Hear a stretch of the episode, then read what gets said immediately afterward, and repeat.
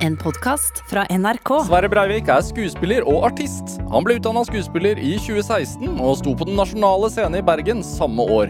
Siden har han landa en rekke store teaterroller, men også rukket å bli Pop-Norges nye yndling. Som artisten Metteson vant han i fjor Bylarmprisen Årets stjerneskudd, og nå spås det at 2022 blir hans år. Dette er Drivkraft med Vegard Larsen i NRK P2. Sverre Breivik, velkommen til Drivkraft. Tusen hjertelig takk. Hvordan har du det? Jeg har det veldig bra. Jeg ble, jeg ble, litt, eh, jeg ble litt, rød i kinna og litt eh, eh, Jeg kan ikke si pinlig berørt, for det var veldig hyggelig, da. Men eh, ja, hvis eh, De skriver jo det. 2022 blir ditt år, så skriver de. Ja, eh, det blir det Åh, ja, hva, hva betyr det? hva kan jeg gjøre for at det skal bli mitt år, da? Sitter Ja. jeg og tenker. Ja. Har jeg noe kontroll over det? Er det bare en uh, påstand, eller blir det jeg, må- jeg må vel bare leve og se. Ja, fordi altså, jeg så et sånt eh, Jeg husker ikke helt om det var et innslag på Dagsrevyen eller eh, et eller annet nyhetsprogram Mm. sånn rundt omkring årsskiftet, hvor det var intervju med masse musikkjournalister om hvem de trodde ville gjøre det stort i 2022, og alle var enige om deg. Mm. Er det Blir det litt som en sånn fotlenke? altså? Ja, det kunne fort blitt det. Det som er veldig Det jeg syns er veldig godt, da.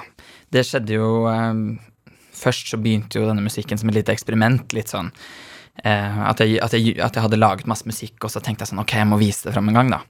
Og så får man beskjed om å vise det fram en gang til, og så er det noen som liker det, og så får man beskjed om å vise det en gang til. Og så første gangen jeg fikk en, et festivaloppdrag, da, som var liksom et år eller et halvt år i, i framtida, så var det litt sånn Ja, men ok, uansett hva jeg gjør i morgen, så skal jeg i hvert fall det om et halvt år. Eh, og det betyr vel at jeg plutselig er musiker og artist på et eller annet vis. At det ikke er bare noe som jeg skaper fra dag til dag, men det er liksom Det er en god stund til, så jeg vet jo at i 2022 så skal jeg jo gjøre veldig mye. Ja. Eh, jeg skal på denne Englandsturneen med Aurora, jeg skal spille på Øyafestivalen, og det er jo ganske lenge til fortsatt, i hvert fall Øyafestivalen. Så da veit jeg at jeg, jeg kan ikke kontrollere om dette blir mitt uh, år. eh, men jeg vet jo i hvert fall at det skjer. Ja, det er noen som har booket det allerede. Ja. Nå, men det er ikke så lenge til du skal på englandsturné? Nei, det er ikke lenge til. Um, men jeg har heldigvis tre dager før jeg reiste på den englandsturneen, eh, i slutten av mars, så har jeg en konsert på Sentrum Scene, så nå fokuserer jeg bare på det. Ja. Og så, når da plutselig den eh, dagen kommer hvor vi setter oss på det, på det flyet, så, um, så kommer det så bardus på at jeg ikke har uh, fått fundert så mye på det. tror jeg er fint. Vet du, altså du skal varme opp for Aurora. Mm, mm. Vet du, altså det er ti, Hvor mange konserter er det? Ja, ti stykker cirka. Ja. Ni, kanskje. Hvor store scener er det? Eh, det varierer veldig, tror jeg. Eh, men den eh, i Brixton i London, den er ganske svær. Det, det blir skikkelig, skikkelig stas. Alt blir jo stas, da. Jo, og så er det jo veldig deilig. Det er hun som står i fokus og um, skinner, og så har jeg den herlige oppgaven bare å prøve å liksom fyre opp eh, publikum, og forhåpentligvis uh, dele noen øyeblikk med hennes fans, som jo gleder seg til å se på henne. Hvor, hvorfor er dere en god match, tenker du? Eh, ja, det er eh, Det er et godt spørsmål.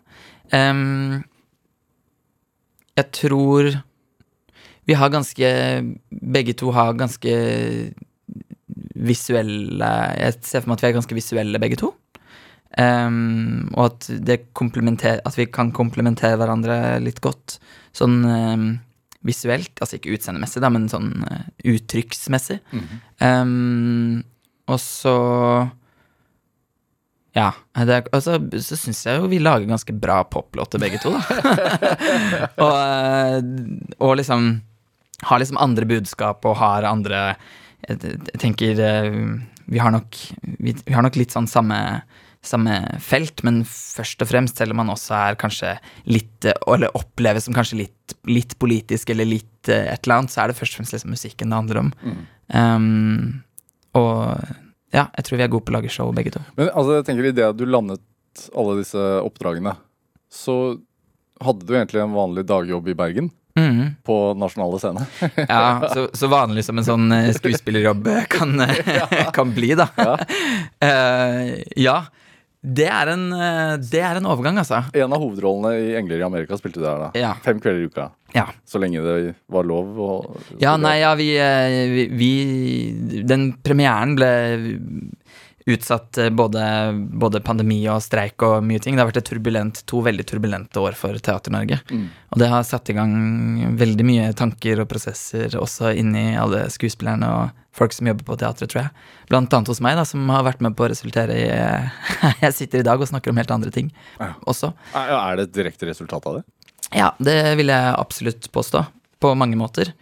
Jeg tror um, det både startet Eller det har vært en lang, eh, gryende konversasjon med meg selv da, om liksom sånn Ok, er det kanskje på tide at du skaper noe som du har litt større tilhørighet, tilhørighet eh, til eh, snart? Um, den tanken har meldt seg. Um, at jeg har jobbet i teatret i liksom fem-seks år og begynt å kjenne på de begrensningene som ikke nødvendigvis fins i teatret, da, men som jeg merka at jeg begynte å sette for meg selv i, innenfor institusjonsteatret.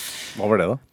Ehm, nei, jeg begynte med skuespill, og jeg føler at skuespill var det som tok tak i meg da i barndommen, fordi jeg var liksom ute og shoppa i masse ting, masse forskjellige idretter, uh, kunstformer, og så fant jeg ut at men i teatret, her får jeg liksom Her får jeg ikke bare liksom, men her får jeg lekt med kostymer, jeg får lekt med tekst, jeg får lekt med musikk, uh, jeg får et innblikk i lyssetting, scenografi, altså alt ligger her. eh, Både arkitektur som jeg var interessert i, mote som jeg er interessert i.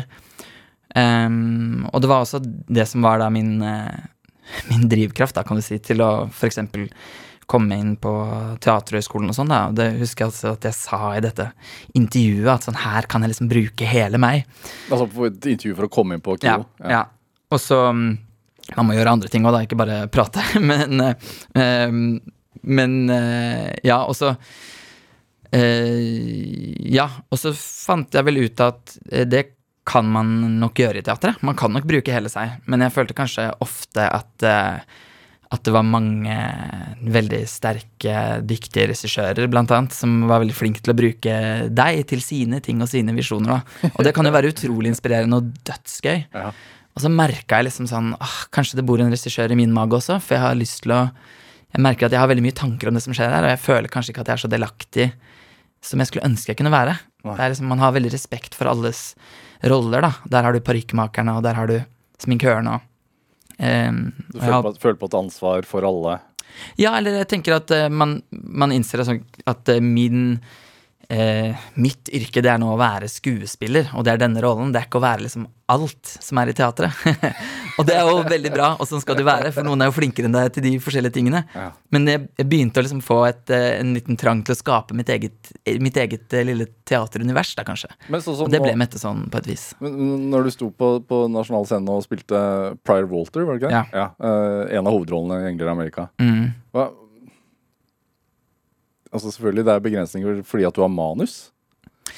Ja, eller eh, nå, nå har det vært et litt sånn Jeg, jeg følte kanskje den Det har skjedd et lite sånn skifte i meg òg, da. Kanskje jeg har litt, blitt litt voksen, men mye av det jeg snakker om nå, den, den tvilen og det ønsket om å ta mer tak i ting, det, det for sånn ett eller to eh, år siden så snudde det litt, og så fant jeg ut at eh, shit, hvis jeg skal holde på å være på disse scenene, så må jeg jo eh, Må jeg tørre å utfordre meg selv og spørre om å få større oppgaver. Og, så den siste tiden i teatret så har jeg gjort veldig mye hvor jeg har fått mye plass eh, og, og skapt egne ting, og blant annet fikk denne rollen da, som er veldig stor og var utrolig krevende og utrolig givende.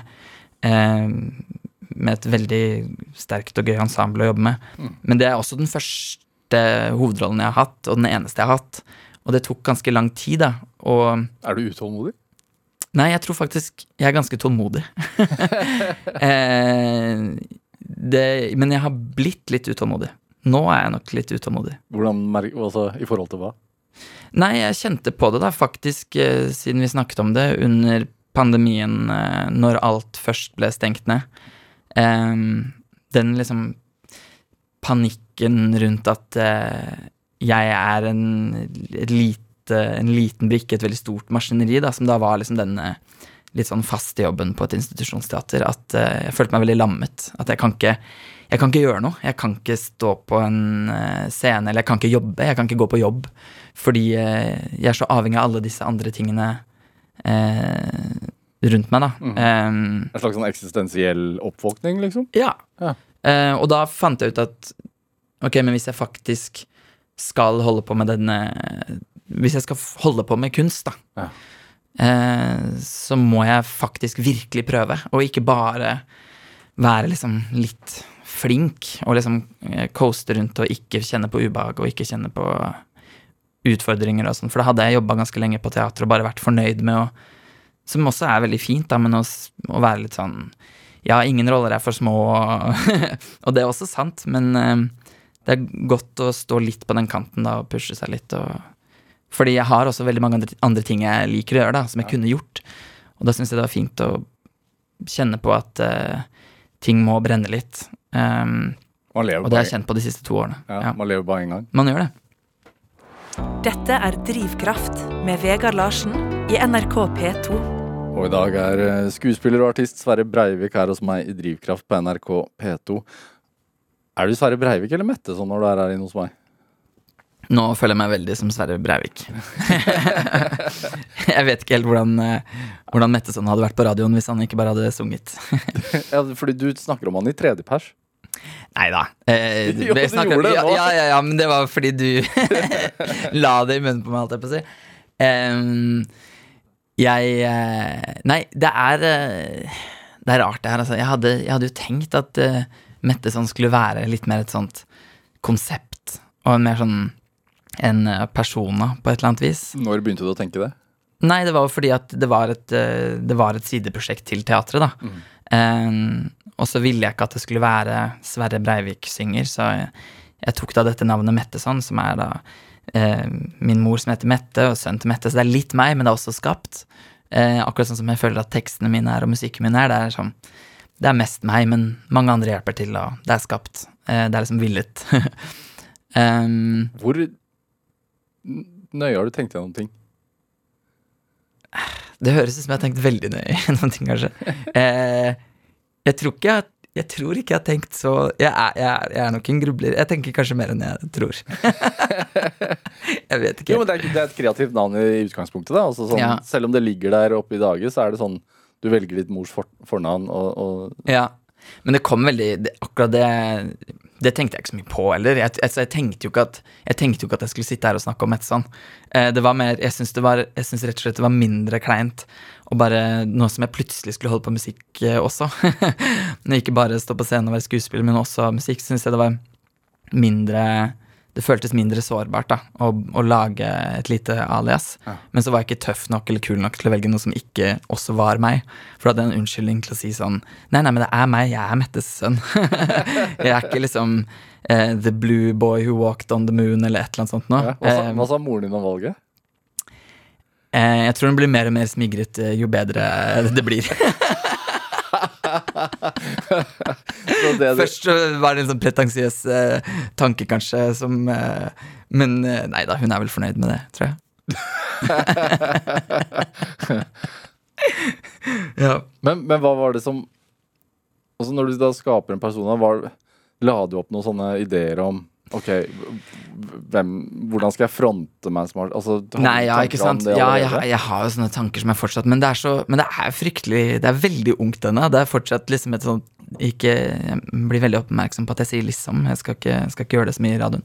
Um, jeg blir veldig oppmerksom på at jeg eh, At det, det er veldig ungt. Eh, jeg har prøvd å definere hva Metteson skal være, men det men jeg har ikke spilt nok konserter til å, til å lande i den definisjonen av hva det skal være nå, tror jeg. Jeg har, jeg har til og med eh, kommet med eh, teorier om, eh, om dette sånn til holdt på å si, aviser og sånne ting, men så har jeg jo ikke fått Jeg har måttet svare på det nesten før jeg har fått bevise hva det er, på et eller annet vis. Fordi at det har vært pandemi, da. Det har vært så lite konserter og eh, Ja, jeg har bare fått gjøre én konsert i Oslo. Mm. Eh, og det var på Bylarm, og det fikk masse oppmerksomhet, og da Du vant, uh, vant Ja. jo prisen. Ja, det var helt supert. Det var kjempekult. Det var ikke forventa i det hele tatt. Så jeg tror nok eh, Jeg har mange tanker om hva ting skal være, men eh, når jeg først står der, så må jeg bare oppleve det, og så skjer det jo mer i øyeblikket. Ja. Kanskje det ender opp med å bli Sverre Breivik, bare. Eh, en gang.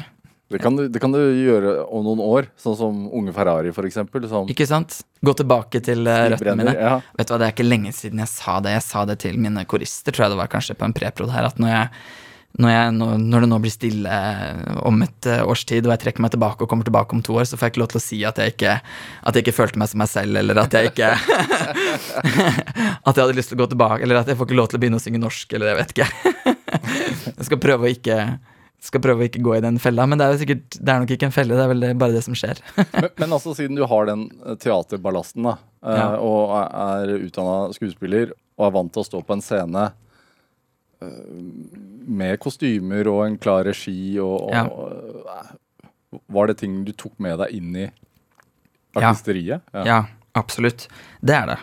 Um, og det, det tror jeg kanskje folk eh, opplever som eh, Ja, kanskje litt eh, frisk, da. Jeg, en jeg er veldig selvbevisst på scenen, men det, og fordi jeg har mye erfaring fra å stå på scenen, men det gir meg jo også mye frihet til å prøve å være til stede. Mm. Um, og det er veldig Det er veldig gøy, men jeg må også si at det føles veldig annerledes å være sanger og artist på den måten. Hva er de eh, store, en, store forskjellene?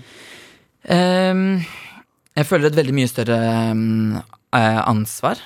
Ehm, jeg, um, jeg Jeg merker at siden jeg har skrevet tekstene og sangene selv, Mm. og at musikk har en veldig eh, har en veldig sånn det, det griper meg veldig sterkt, da. Så jeg, jeg, jeg merker at jeg har et forhold til eh, materialet da, på en annen måte enn jeg har eh, tekst som jeg fremfører på eh, teatret. Det er, eh, er vanskelig å beskrive hva forskjellen er helt konkret, men det handler blant annet om de tingene, da. Det er eh, Ja. En av de første låtene du skrev, var, var låta 'Hold Me Like You Hold Your Favorite Book'. Ja, det er riktig. Den har vært med meg lenge. Den eh, skrev jeg på Teaterhøgskolen som et dikt først. Eh, det var før jeg egentlig hadde begynt å skrive musikk på ordentlig, og den, da holdt jeg på å date en eh, forfatterstudent. og så har den eh, sangen eh, blitt med meg, og utrolig glad når den sånn seks år senere kunne være med på min første EP. Det var veldig kult. Skal vi høre? Ja, la oss høre litt på den. Ja.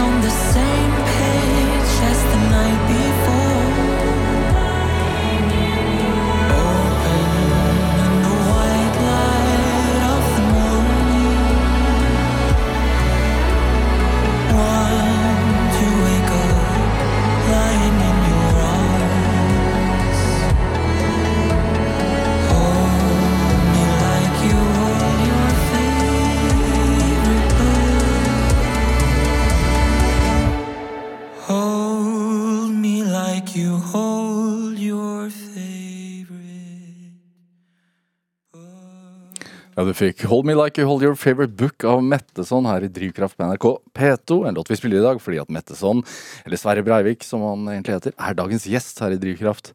Hva var favorittboka? Åh, det, det vet jeg ikke.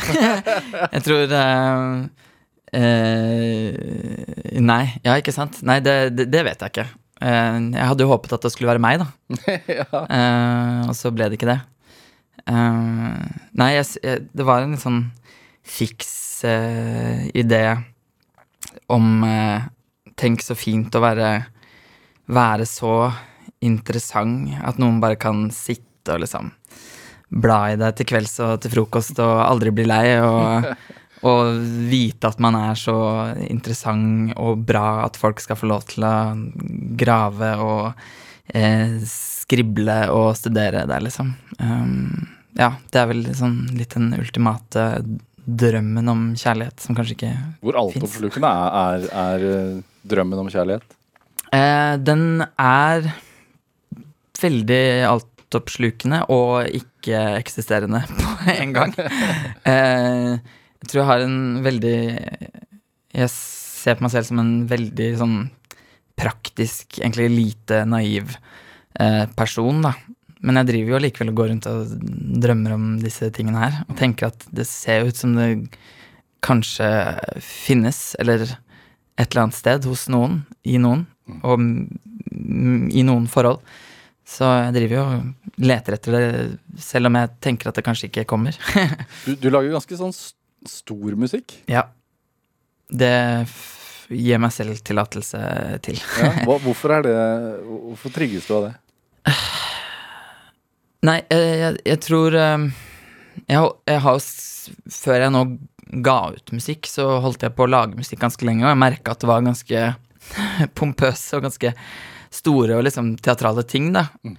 Tenkte lenge at jeg ikke klarte å liksom nyansere ting nok, eller være kul nok, eller eh, Og så plutselig så ga jeg litt sånn eh, Litt faen i det, på samme, på samme måte som jeg gjorde litt med teatret. da, Bare vært sånn Ja, men herregud, nå må jeg, bare, jeg må bare gjøre det jeg gjør, da. Eller det som kommer til meg eh, naturlig. Og så møtte jeg da produsenten, som jeg også jobber veldig tett med fortsatt, eh, Vetle Junker, som var eh, gira på det store og det teatrale i meg, da. Og i musikken min, og som allikevel klarer å finne en eh, kul bunn i det, da, syns jeg. Så det er en god, eh, god duo der. Um, Men er det utfordrende å være tro mot seg selv, og så, Mm. så autentisk som mulig? Ja. Det er det. Det er det. Det er jo Altså, og så er det også sånn Det er litt fjasete å si, for at man er jo På et eller annet vis er man jo alltid autentisk for seg selv, for man er jo seg selv også når man gjør seg til og tviler og gjør noe som man ikke skulle gjort. um, men jeg prøver eh, Jeg prøver å tenke på det også nå som det blir mer oppmerksomhet rundt prosjektet, da. At sånn At jeg må huske på at uh, grunnen til at det går fint, og at det går bra og folk er interessert, det er annet fordi jeg skrev denne boken om disse tankene jeg hadde. Ikke fordi at eh, jeg har på meg de og de klærne, eller jeg ser sånn og sånn ut, eller altså at jeg prøver å tenke at det er ikke Det, det er eh, Det er liksom mine Det er mine tanker og min eh, kunst, da, rett og slett, i, som er grunnen til at jeg får holde på med dette. Eh, og prøve å holde fast i det. Skrev boka, hva mener du med det? Og jeg sa boka. Ja. Um, nei Ja, ok, da har jeg forsnakket meg. Nei, det, det at jeg skriver At jeg, at jeg skriver, da, eller at, jeg, at det, det, det er mine Låta, mente jeg sikkert. Ja. at jeg, ja, selvfølgelig. At jeg skrev denne låta, 'Hold Me Like You Hold Your Favorite Book', da, for eksempel. Ja. At den spilles eh, her nå. Det er ikke fordi at jeg hadde lyst til å være artist, det er fordi at jeg hadde en tanke og en idé som jeg bare skrev ned, så tok det fem år før det ble noe. ja, for det var et dikt i utgangspunktet. ja. Ja. Er det? Ja. Altså, bare det med det image, da, siden du har gjort et tydelig sånn karriereskiftevalg. Mm. Er det Hvor mye tenker man gjennom liksom hva slags klær man skal ha på seg? Ja, eh, det Bildene, for eksempel, til, Ja. til musikken din Ja, har en veldig sånn tydelig identitet. Ja, eh, det Det er jo først og fremst eh, skikkelig gøy å lek. Eh, og så tenker jeg at det er viktig fordi jeg selv er en visuell person, da. Jeg syns det er Jeg, liker veldig godt Jeg tiltrekkes veldig av visuelle aspekter til artister og sånn. Eh, så da tenker jeg at jeg skal være veldig bevisst på det eh, jeg velger å gjøre der, og at det samsvarer med musikken eller løfter mm, totalbildet, da, selv om musikken er viktigst. Eh, og så tror jeg også det kommer veldig sånn naturlig for meg, eksempel i dag da jeg sto opp, så tok jeg først på meg en uh, korfløyelsbukse og en uh, brun cardigan. Og så Fordi du skulle på P2, ja, ikke sant. liksom? Så nå har jeg kledd meg til P2, og så tenkte jeg sånn Nei, det, det er ikke Jeg har lyst til å prøve å være litt, eh, litt spissere og litt eh, tøffere i dag, så da tok jeg på meg svart isteden. Så nå eh, Så nå, da føler jeg meg litt skarpere og litt Ja, kulere, da, kan du si. Um, og, da, og da endrer det meg litt.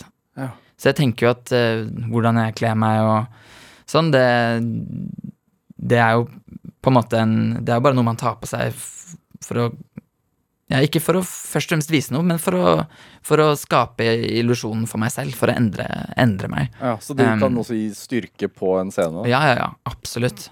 Ja. Og jeg tror det, har det er jo mange som eh, Eller mange, det er ikke så, så fryktelig interessant, kanskje, men jeg, det har blitt påpekt blant annet sånn det er jo mange som trodde jeg hadde på meg en kjole på Lindmo, eller at folk har kommentert og tenkt at sånn Å, han er vel fryktelig progressiv. og, og du går med høye hæler, og så Og så gjør jeg jo ikke det hele tiden, men når jeg står på en scene, da, så syns jeg det er gøy å løfte meg selv. Jeg syns det er gøy å forsterke uttrykk og Og jeg og, ja, jeg er ikke interessert i nødvendigvis å være meg selv da, på scenen.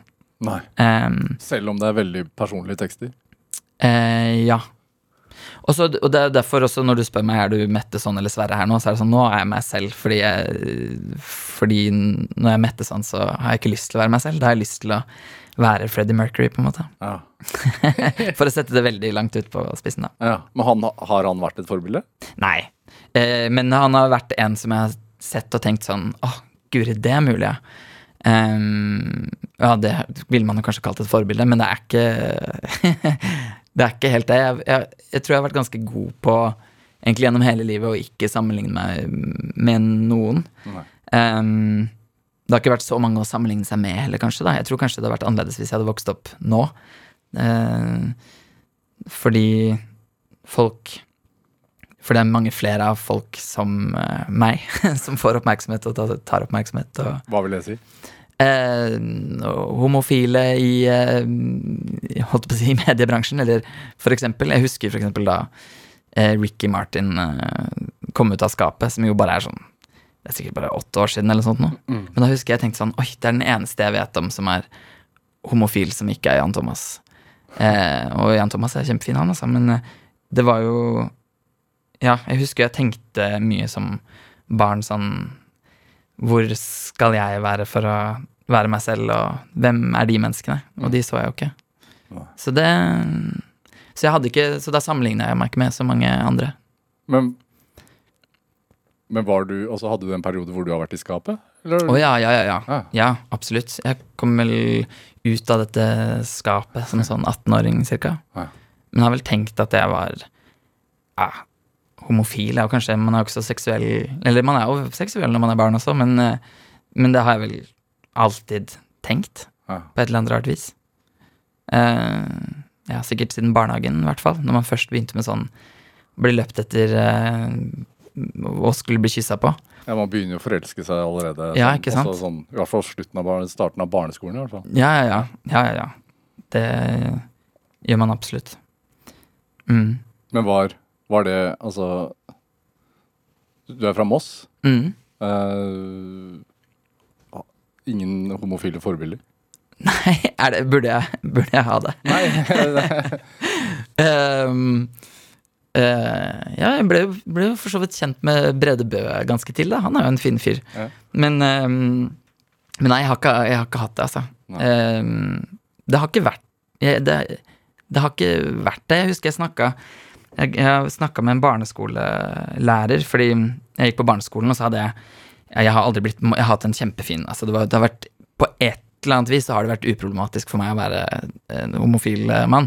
Um, men jeg Det var jo allikevel en sorg, da, å, å skjule på ting, og at det var vanskelig. Husker jeg på barneskolen en gang så hadde jeg krangla med en kompis, og så visste jo han sikkert eh, hvor eh, Ja, siden vi var så nære venner, da, så visste han sikkert hvor han skulle poke. Så han, eh, han kom med en ganske sånn stygg eh, kommentar, da. Eh, og jeg hadde vært like stygg og slem selv. Um, men da traff han liksom noe som var veldig vondt og veldig dypt, da, som var liksom den hemmeligheten. Og da husker jeg at jeg ble igjen etter skolen for å kunne gråte litt da med denne barneskolelæreren som jeg var veldig glad i. Og da husker jeg at hun sa at hun hadde Eller da husker jeg sa at han hadde sagt disse tingene, da. Uh, og at det var så dumt, for at det var så Det var så fælt at han Ikke fordi at jeg Eller jeg, jeg prøvde å liksom vri og vende litt på det, da, så jeg sa sånn Det er jo ikke noe galt med å være homofil, jeg er bare ikke det. Eh, og det var så dumt at han brukte det som et skjellsord, fordi homofile var vel fine folk. Og da husker jeg hun sa at hun hadde en eh, homofil venn. Og da var hun sånn 35, kanskje. Eller kanskje hun var 30. Og da husker jeg tenkte sånn Å, det finnes en i Moss. eh, og så husker jeg at hun eh, var en så fin dame, så tenker jeg sånn Å, du eh, Da har du sikkert en fin venn. Og det var liksom et forbilde, da. Dette er Drivkraft med Vegard Larsen i NRK P2. Og i dag er artist og skuespiller Sverre Breivik her hos meg i Drivkraft på NRK P2.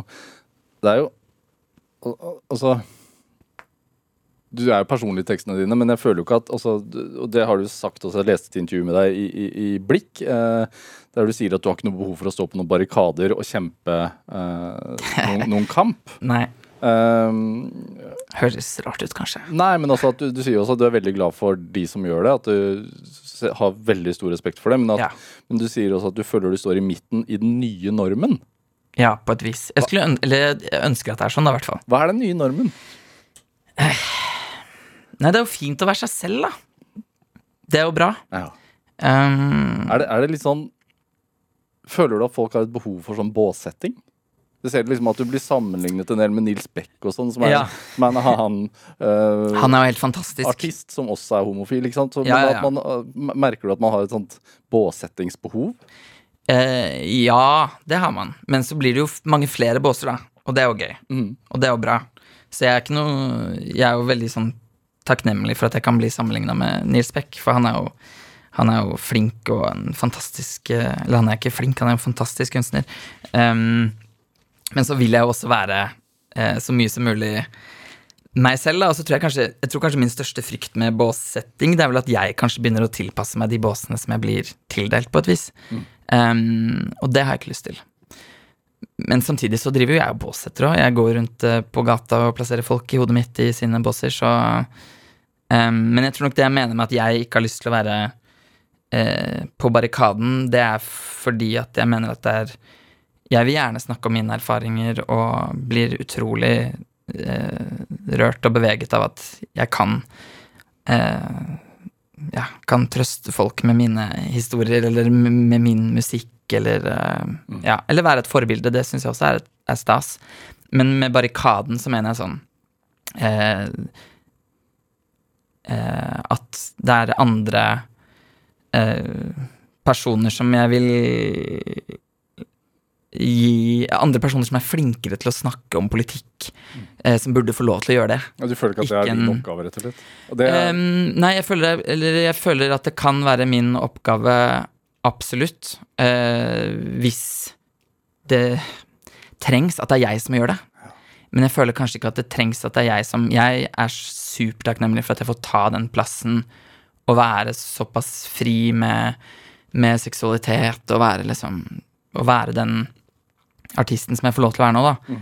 Eh, og Men jeg håper at hvis man skal snakke om eh, politikk og For det første så vil jeg lære mer om det selv før jeg uttaler meg om det, og så, og så, så vil jeg at vi skal være enda mer progressive enn at jeg har på meg høye hæler på Lindmo, liksom. Det er ikke Det gjorde man på 70-tallet, og det er jeg helt sikker på.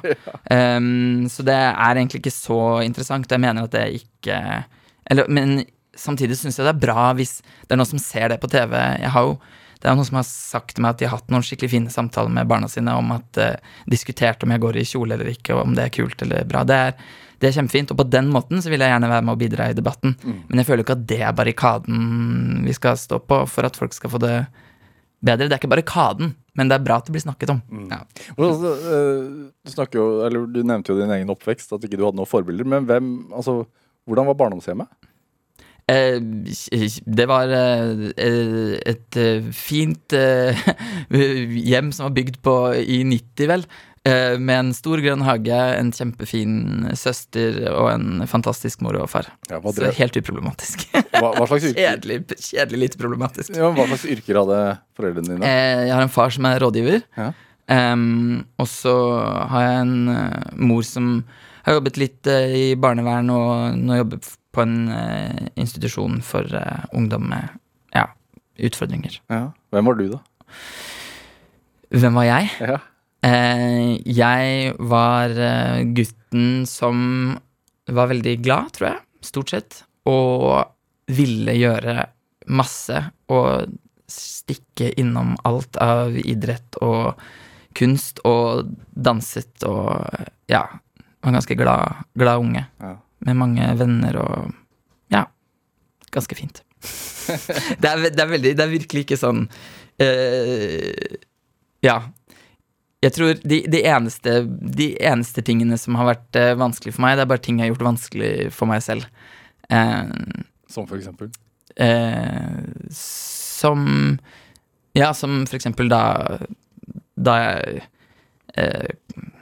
Ja, for å gå sånn rett inn i det, da. Da jeg kom ut til moren min, for eksempel, så var det første hun sa sånn Å, hvorfor sa du ikke det før? Ja. Og det er sånn som jeg har tenkt selv. Hvorfor sa jeg ikke det før? Det var ingen grunn til at jeg ikke kunne si det før. Og så kan man jo si sånn, ja, men man var jo ikke Sånn som jeg sa til meg selv, og det er ikke så aktuelt. Eller fordi jeg har jo ikke noe kjæreste. Jeg kommer ikke til å få meg noe kjæreste, så det er ikke noe å snakke om. Uh, og så innser man jo da når man blir litt eldre sånn, ja, men det handla om hvem du var. Og det er jo viktig. Uh, så det syns jeg er fint å kjenne på. Jeg tror nok det er nok mange barn som føler at de ikke kan gjøre det uh, å snakke om sånne ting med hvem som helst, og det skal man ikke trenge eller måtte, men for de som vil, så blir jeg veldig glad for at det virker som om det er en større åpenhet for det nå, da. Hva drømte du om, da? Åh, jeg drømte Jeg husker at jeg har drømt om å være Britney Spears, eksempel. Jeg er veldig glad at jeg ikke ble det, altså. Eller blir det. Um, men jeg har nok drømt mye. Jeg tror, jeg tror nok alltid uh, Jeg tror jeg bare håpet å bli lykkelig. Det er litt sånn naivt. Jeg tror det er det. Først og fremst, hvordan blir jeg lykkelig? Er det av å være eh, kunstner? Er det å være arkitekt? Er det å drive med idrett? At har bare vært sånn, hvor blir man glad i livet? Og så har jeg jo skjønt at eh, man er jo ikke lykkelig. Man finner sånne små lykkepunkter. Og Ja. det har jeg funnet mest av i, i teater og kunst, da. Men var det, var, var det et produkt av et lykkesavn? Nei. Nei. Nei, nei, nei. Mer sånn åh, dette er gøy, hvor kan jeg ha det gøyere? Ja. Eh, så ikke lykkesavn i det hele tatt. Masse, masse, masse lykke. Rikt fantasiunivers? Eh, ikke så rikt fantasiunivers, men et rikt eh, ordentlig univers, syns jeg. Ja. Jeg har alltid fått leke meg masse med Jeg har alltid for eksempel holdt på med teater, da.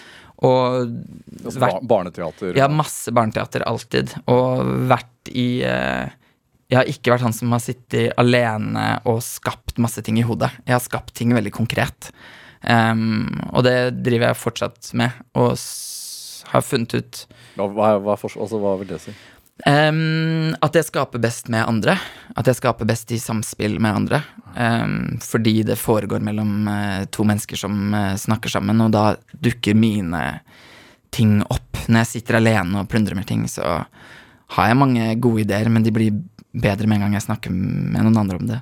Har du noen Um, du drodler artistideene med? Ja, nå er det veldig mye uh, Vetle Junker, blant annet, som er min produsent, som jeg føler vi har en sånn uh, fantastisk både kommunisert, men også ikke-kommuniserbar uh, samtale med. At jeg gir han musikk som han omformer, og så kommenterer jeg på det, og så omformer han det. Og så har jeg um, har jeg jo familie, da, og en manager og eh, mange gode venner. Jeg er jo Men jeg må si sånn, nå virker jeg jo fryktelig raus og sjenerøs. Jeg er jo veldig beskyttende òg, da, Ja. overfor mitt, eh, mine verk og mine ting.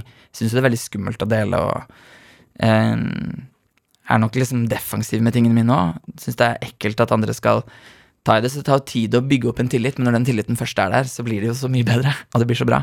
Hadde du Og så var det Hadde du mye selvtillit som ung? Eh, ja, det hadde jeg. Men uh, selvtillit på uh, Man kan ha liksom selvtillit på så mange måter. Ehm, selvtillit Jeg har vel alltid følt meg ganske flink og ganske liksom ressurs, ressurssterk. Um, men jeg har ikke Men er også veldig bekreftelsessøkende. Irritert meg mye over at, eh, at, jeg, at jeg omformer meg så mye ut ifra liksom, andre mennesker. Jeg har alltid sett veldig uh, opp til folk som har vært liksom, kompromissløse. Jeg er jo ikke kompromissløs. Uh, eller kompromissløs, eller hva det heter. Uh, jeg er ganske ganske pliable, formelig. Um, jeg prøver egentlig å bli stivere plastelina. Hvorfor, hvorfor er det et ønske? Um, fordi um, Fordi jeg tror det gjør meg litt bedre. Å være litt mer kravstor og litt uh, skarpere. Det er blant annet det som gjør at jeg valgte å tørre å gjøre Metteson, da, som er et soloprosjekt, og som ikke er et ensembleprosjekt. Og det gir meg veldig mye. Eh, det betyr ikke at jeg ikke tar mye plass og er eh, veldig selvsentrert og alt det greiene der, men eh, ja. Jeg tenkte vi skulle høre en låt til. Ja, kult. Jeg har lyst til å spille Under Your Shirt. Jeg, hvis det, Det er veldig hyggelig. ja, det er, det er den største hiten din til nå. Ja, det kan vi, det kan vi si. Ja, Hva er det å si om den? Eh, det er å si om den eh, Nei, det er vel fortsatt litt denne drømmen, da. Om eh, ikke boka denne gangen, men den som har lyst til å ha den eh, Som har lyst til å varme hånda si under skjorta di. Ehm, ja. Hjertesmerte. Hjertesmerte, hæ?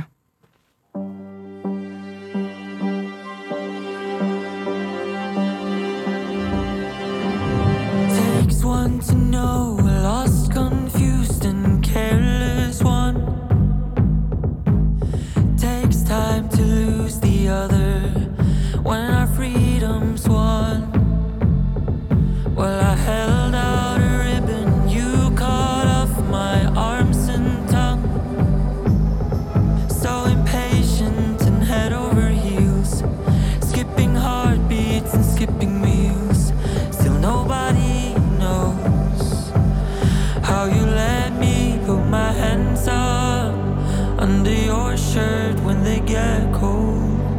How you let me in and let your guard down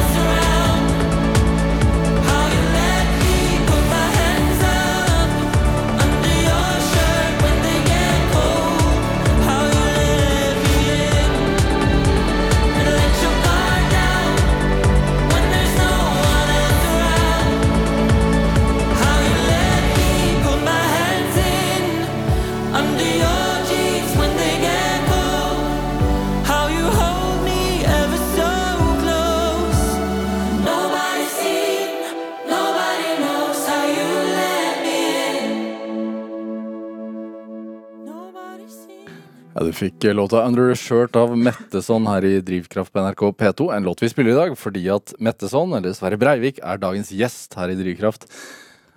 Hva er det beste med å stå på en scene? Åh. um, det er tanken på at At uh, når jeg har stått i publikum med mine følelser og mine greier, så har jeg hatt noen av de største opplevelsene jeg har hatt som menneske. Som for eksempel Nei, at man blir eh, At ting blir forsterket og løftet opp eh, av eh, bassen som rister i kroppen, og ordene som kommer inn i hjernen og filtrerer sine tanker og følelser, og gjør de så viktige og taktile da, i det øyeblikket. Og det, det å stå på den scenen og kjenne den energien fra publikum når det virkelig treffer dem, Ja. eh, som jeg mener at man kan kjenne. Hvordan kjennes det ut? Eh, det kjennes ut som en konsentrasjon, eh, og som en eh, Altså sånn Og som et Sånn eufori, vil jeg si. Sånn eh, prikking i fingrene og Ja, sånn total tilstedeværelse. Det er veldig avhengighetsskapende. Ja. Utløser endorfiner, med Ja. andre ord. Ja, ja, Ja. absolutt. Absolutt. Det er eh, Ja, det er skikkelig Det er skikkelig gøy, og så er det Og så er det stas og Altså Det er så utrolig mange elementer. ikke sant? Det er stas å vise fram ny musikk som folk ikke har hørt ennå, og så se om det funker. Hvor, Det er også en lekeplass, ikke sant? hvor kontakt har du, altså, god kontakt har du med publikum? Eh, det varierer sikkert fra scene til scene og fra folk til folk. Jeg husker det var veldig gøy på, på Bylarm, eh, som var den første og eneste konserten jeg har hatt uten restriksjoner. Eh, så var det veldig fullt, og så var jeg jo ganske nervøs. Og så var det på et tidspunkt hvor jeg glemte, glemte tekst. Og da så jeg Så jeg ut på publikum, og så så jeg at det var en som sang teksten, og så meg i øynene og var sånn Det er dette som er teksten! Det er dette som er teksten! Og så var jeg sånn Ja, shit, takk! Og så begynte jeg å synge, og så glemte jeg teksten igjen fordi jeg ikke så på den personen. Så da måtte jeg se på den personen synge, og så sang jeg bare når jeg så på munnen til den personen. Og det var en helt fantastisk gøy følelse. Og jeg følte meg ikke Jeg ble ikke så redd eh, av å glemme teksten heller, men det var så gøy, og så tenkte jeg sånn Ja, shit, så nå lukka jeg meg ikke selv inne. Nå så jeg på publikum, og så fant jeg musikken min tilbake. Det var helt utrolig kult. Ja. Er, det- er, det, er den scenetilværelsen, altså opplevelsen annerledes enn også på teaterscenen? ja, veldig. Eh, men så er det å stå på teaterscenen er jo også så utrolig mange eh, scener. og så forskjellig Noen ganger så får man jo beskjed om å nesten sette opp den fjerde, berømte fjerde veggen. Eh, og lage sånn ditterskap-teater. Og andre ganger så skal man jo gå inn blant publikum, eller man skal improvisere med publikum, jazze med publikum. Så der har man alle mulige måter å gjøre ting på. Sånn sett så kan jo kanskje konsertformatet nesten virke strengere enn teaterscenen, som jo kan være så mye. Eh, og det kan jo selvfølgelig også musikkscenen være, men nå gleder jeg meg veldig til å gå inn i formatet konsertscene og formatet festival, da. Og finne ut av hvordan skal jeg gjøre det best mulig. Samtidig som jeg ikke skal være for opptatt av å prøve å finne opp noe hjul, fordi det er jo ofte Det enkle er ofte det beste, og bare skikkelig god musikk og heftig bass og eh, dansing. Du skal blant annet spille på Øya. Ja, Eh, Har du vært på Øya? og mm, absolutt. absolutt. Det har vært min go to-festival i alle år. Eh, så det er, eh, Er det- kjempestort. Ja, er det, er det rart å plutselig stå på scenen? Det er litt rart, men hvis jeg skal være helt ærlig, så har jeg også tenkt veldig lenge når jeg har vært på festivalen, at det der kan jeg også gjøre. Eh, og, det jeg, og det betyr jo ikke at jeg kommer til å gjøre det noe eh, bra, for det, må jeg, det er jo et ansvar som jeg fortsatt har. Ja. Men jeg har ikke tenkt at det er uh, umulig. Jeg har tenkt at det har vært et mål, kanskje, heller. Ja. Ja. Er, du Er det er- du bare skrudd sammen sånn at du tenker at ingenting er umulig? Altså um, nei, jeg, jeg tenker jo at det er veldig mye som er uh, umulig, men jeg har nok, eh, har nok vært heldig og satt veldig lite begrensninger for meg selv, men også skjønt at eh, man må begrense ting lite grann for å bli For å fokusere energien sin et sted, da. For at noe skal bli noe av. Fordi hvis man bare er veldig, veldig helt ålreit på mm, masse, så kan det bli litt vanskelig å plassere seg selv, kanskje. Um, men jeg driver nok fortsatt og leter litt etter hvor eh, Hvor er det min kreativitet får størst og mest utspill, da. Ja. Hvis jeg først skal være kreativ, så tenker jeg det er et mål for meg. Hvis ikke, så kan jeg godt uh, bli gartner. Uh, det har jeg også lyst til en gang. Ja. Um, Men det kreativitet, hva, hva er Altså, når kommer det? Uh, det kommer dessverre ofte når jeg er veldig travel og har veldig mange andre ting å tenke på. Når hjernen surrer og får jobbe med andre praktiske ting, når jeg er utslitt, eh, så kommer en ferdig prosessert låt ut i sin helhet eh, på, inn på mobilen på voice-recorderen. Er det sant? Eh, ja, Ja. veldig. Og jeg er veldig ikke god på å sette meg ned og være sånn Nå skal jeg være kreativ. Så det å Nå som jeg har valgt å fokusere på musikken og tatt en pause fra litt teater, så er det veldig utfordrende å finne ut av hva er egentlig jobben min nå. og hvordan skal jeg klare å gjøre den jobben når jeg ikke er travel med andre ting. Eh, det blir litt spennende å finne ut av. Er det, er det noe sånn befriende i, i det å ikke ha de faste rammene også, selv om det er det, Kjempe. ja. Jeg har ønsket det lenge. Jeg har ønsket å være tøff nok til å eh, ikke ha så mange rammer. Ehm, jeg har eh, alltid hatt eh, veldig klare og trygge rammer eh, i livet, og sett at sånn, ja, ok, om et halvt år så skal jeg så skal jeg heldigvis gå på Teaterhøgskolen, og så skal jeg gjøre det i tre år, og så før jeg var ferdig der, så ok, nå skal jeg jobbe på nasjonalscenen i to år, i hvert fall. Så, så jeg har alltid hatt de rammene, da, og, og nå syns jeg det er kjempespennende og utfordrende, og veldig på tide å ikke ha så tydelige rammer. Selv om jeg er veldig glad for at jeg har rammene om at jeg skal spille på Øyafestivalen i sommer. Men er det, er det altså du, du sa at lykke, liksom, det å bli lykkelig, være lykkelig, var, var tidligere en slags drivkraft. Er det det fremdeles? Eh, ja, å finne ut av hvor eh, jeg er glad, er jo det. Det tror jeg det er for alle. Ja. Eh, eller det, det må det vel være. De som det er jo, Eller det må det ikke være. Det er jo folk som søker ulykke, og det er jo veldig um, trist. Um, ja, det er en eh, Det er nok en slags Det er nok en drivkraft, men så er det også dumt å ha det som en drivkraft, eller litt håpløst, fordi du, du kan jo ikke du, du kan jo på en måte ikke drive deg fram til lykke, siden lykke er så tilfeldig. Men eh, jeg kan jo i hvert fall eh, prøve å drive meg fram til der hvor jeg eh, får brukt mest mulig av meg selv. Hvordan får du det? Hvorfor? Ja, Og det gjør meg glad. ja. Ja. Hvordan Du nevnte det at eh, ja, ellers så kan jeg bli gartner eller Mm. botaniker. Hvor, hvordan får du brukt deg selv der? Um, det er eh, Det er deilig å være ute. Det er deilig å se en plante gro og dele en plante og være i naturen. Det er bare utrolig godt og beroligende og deilig. Og det kan, der kan jeg gjerne bruke veldig mye tid. Eh, og forsvinne helt i det. Um, og det gir meg også en eh, Ikke sant, der har jeg også en liten ramme, da, som jeg skjuler for meg selv, en trygghet i at uh, uansett hvor hvis dette her ikke skulle skje, eller eh, hvis ting ikke blir sånn Hvis det 2022 ikke blir mitt år, da, så kan det være et år i, eh, i en hage eller i en park. Og det gjør meg også veldig glad. Og det er også fint å vite. Men, ja. For jeg vet at du, er, du driver og hører på sånn plantepodkaster. Mm. At du er, Kari Slottsveen sin eh, Jeg, jeg ramla over nå for en ukes tid siden en uh, podkast om eh, eh, ja, om en sånn parsellhage. Og da ble jeg så glad, for da hadde jeg hørt ferdig alle BBC sine gardening-program tilbake til 1980, liksom. Jeg, jeg gjør det konstant. Jeg syns det er kjempeinteressant og gøy. Og rolig. ja. Ja. Meditativt å høre om planter. Ja. er det en, noe du søker fordi at det er en kontrast? Um, sikkert. Ja.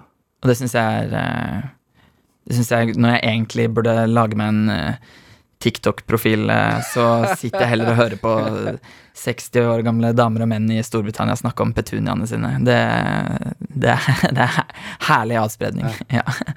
Ka- Kan man bli eh, artist i dag uten TikTok-profil? Eh, Jeg vet ikke, jeg prøver. Og nå lyver jeg litt, da, for jeg har det, men det går, eh, det går fryktelig treigt. Men eh, ja, man kan bli en eh, Man kan bli Man kan jo være veldig mange for forskjellige artister, da. Mm. Jeg prøver å finne ut av hva slags artist eh, jeg skal være. Jeg tror også Jeg tror også jeg har funnet litt ro i at hvis det er en eh, Hvis jeg måtte blitt en sånn type artist, da, for eksempel for å bli artist, så er det kanskje ikke verdt det, nettopp fordi at jeg finner ingen Eller finner så veldig liten inspirasjon i å promotere ting som ikke er ting, da.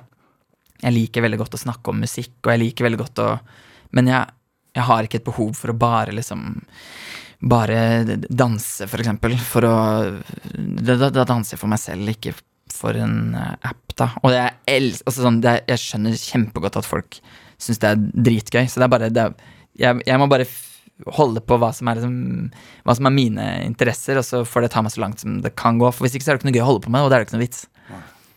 Sverre Breivik, tu- tusen takk for at du kom til Drivkraft. Jo, tusen takk. Lykke til i England, og ikke minst med øya. Ja, det blir gøy. Ja, du får be om en sånn voldsom rider, fordi Ja. Ja. Champagne. champagne Det må man ha.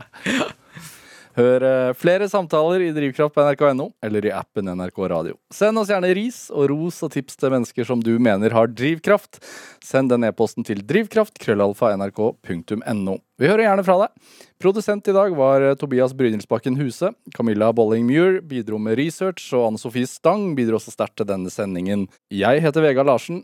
Vi høres. Du har hørt en podkast fra NRK. De nyeste episodene hører du først i appen NRK Radio.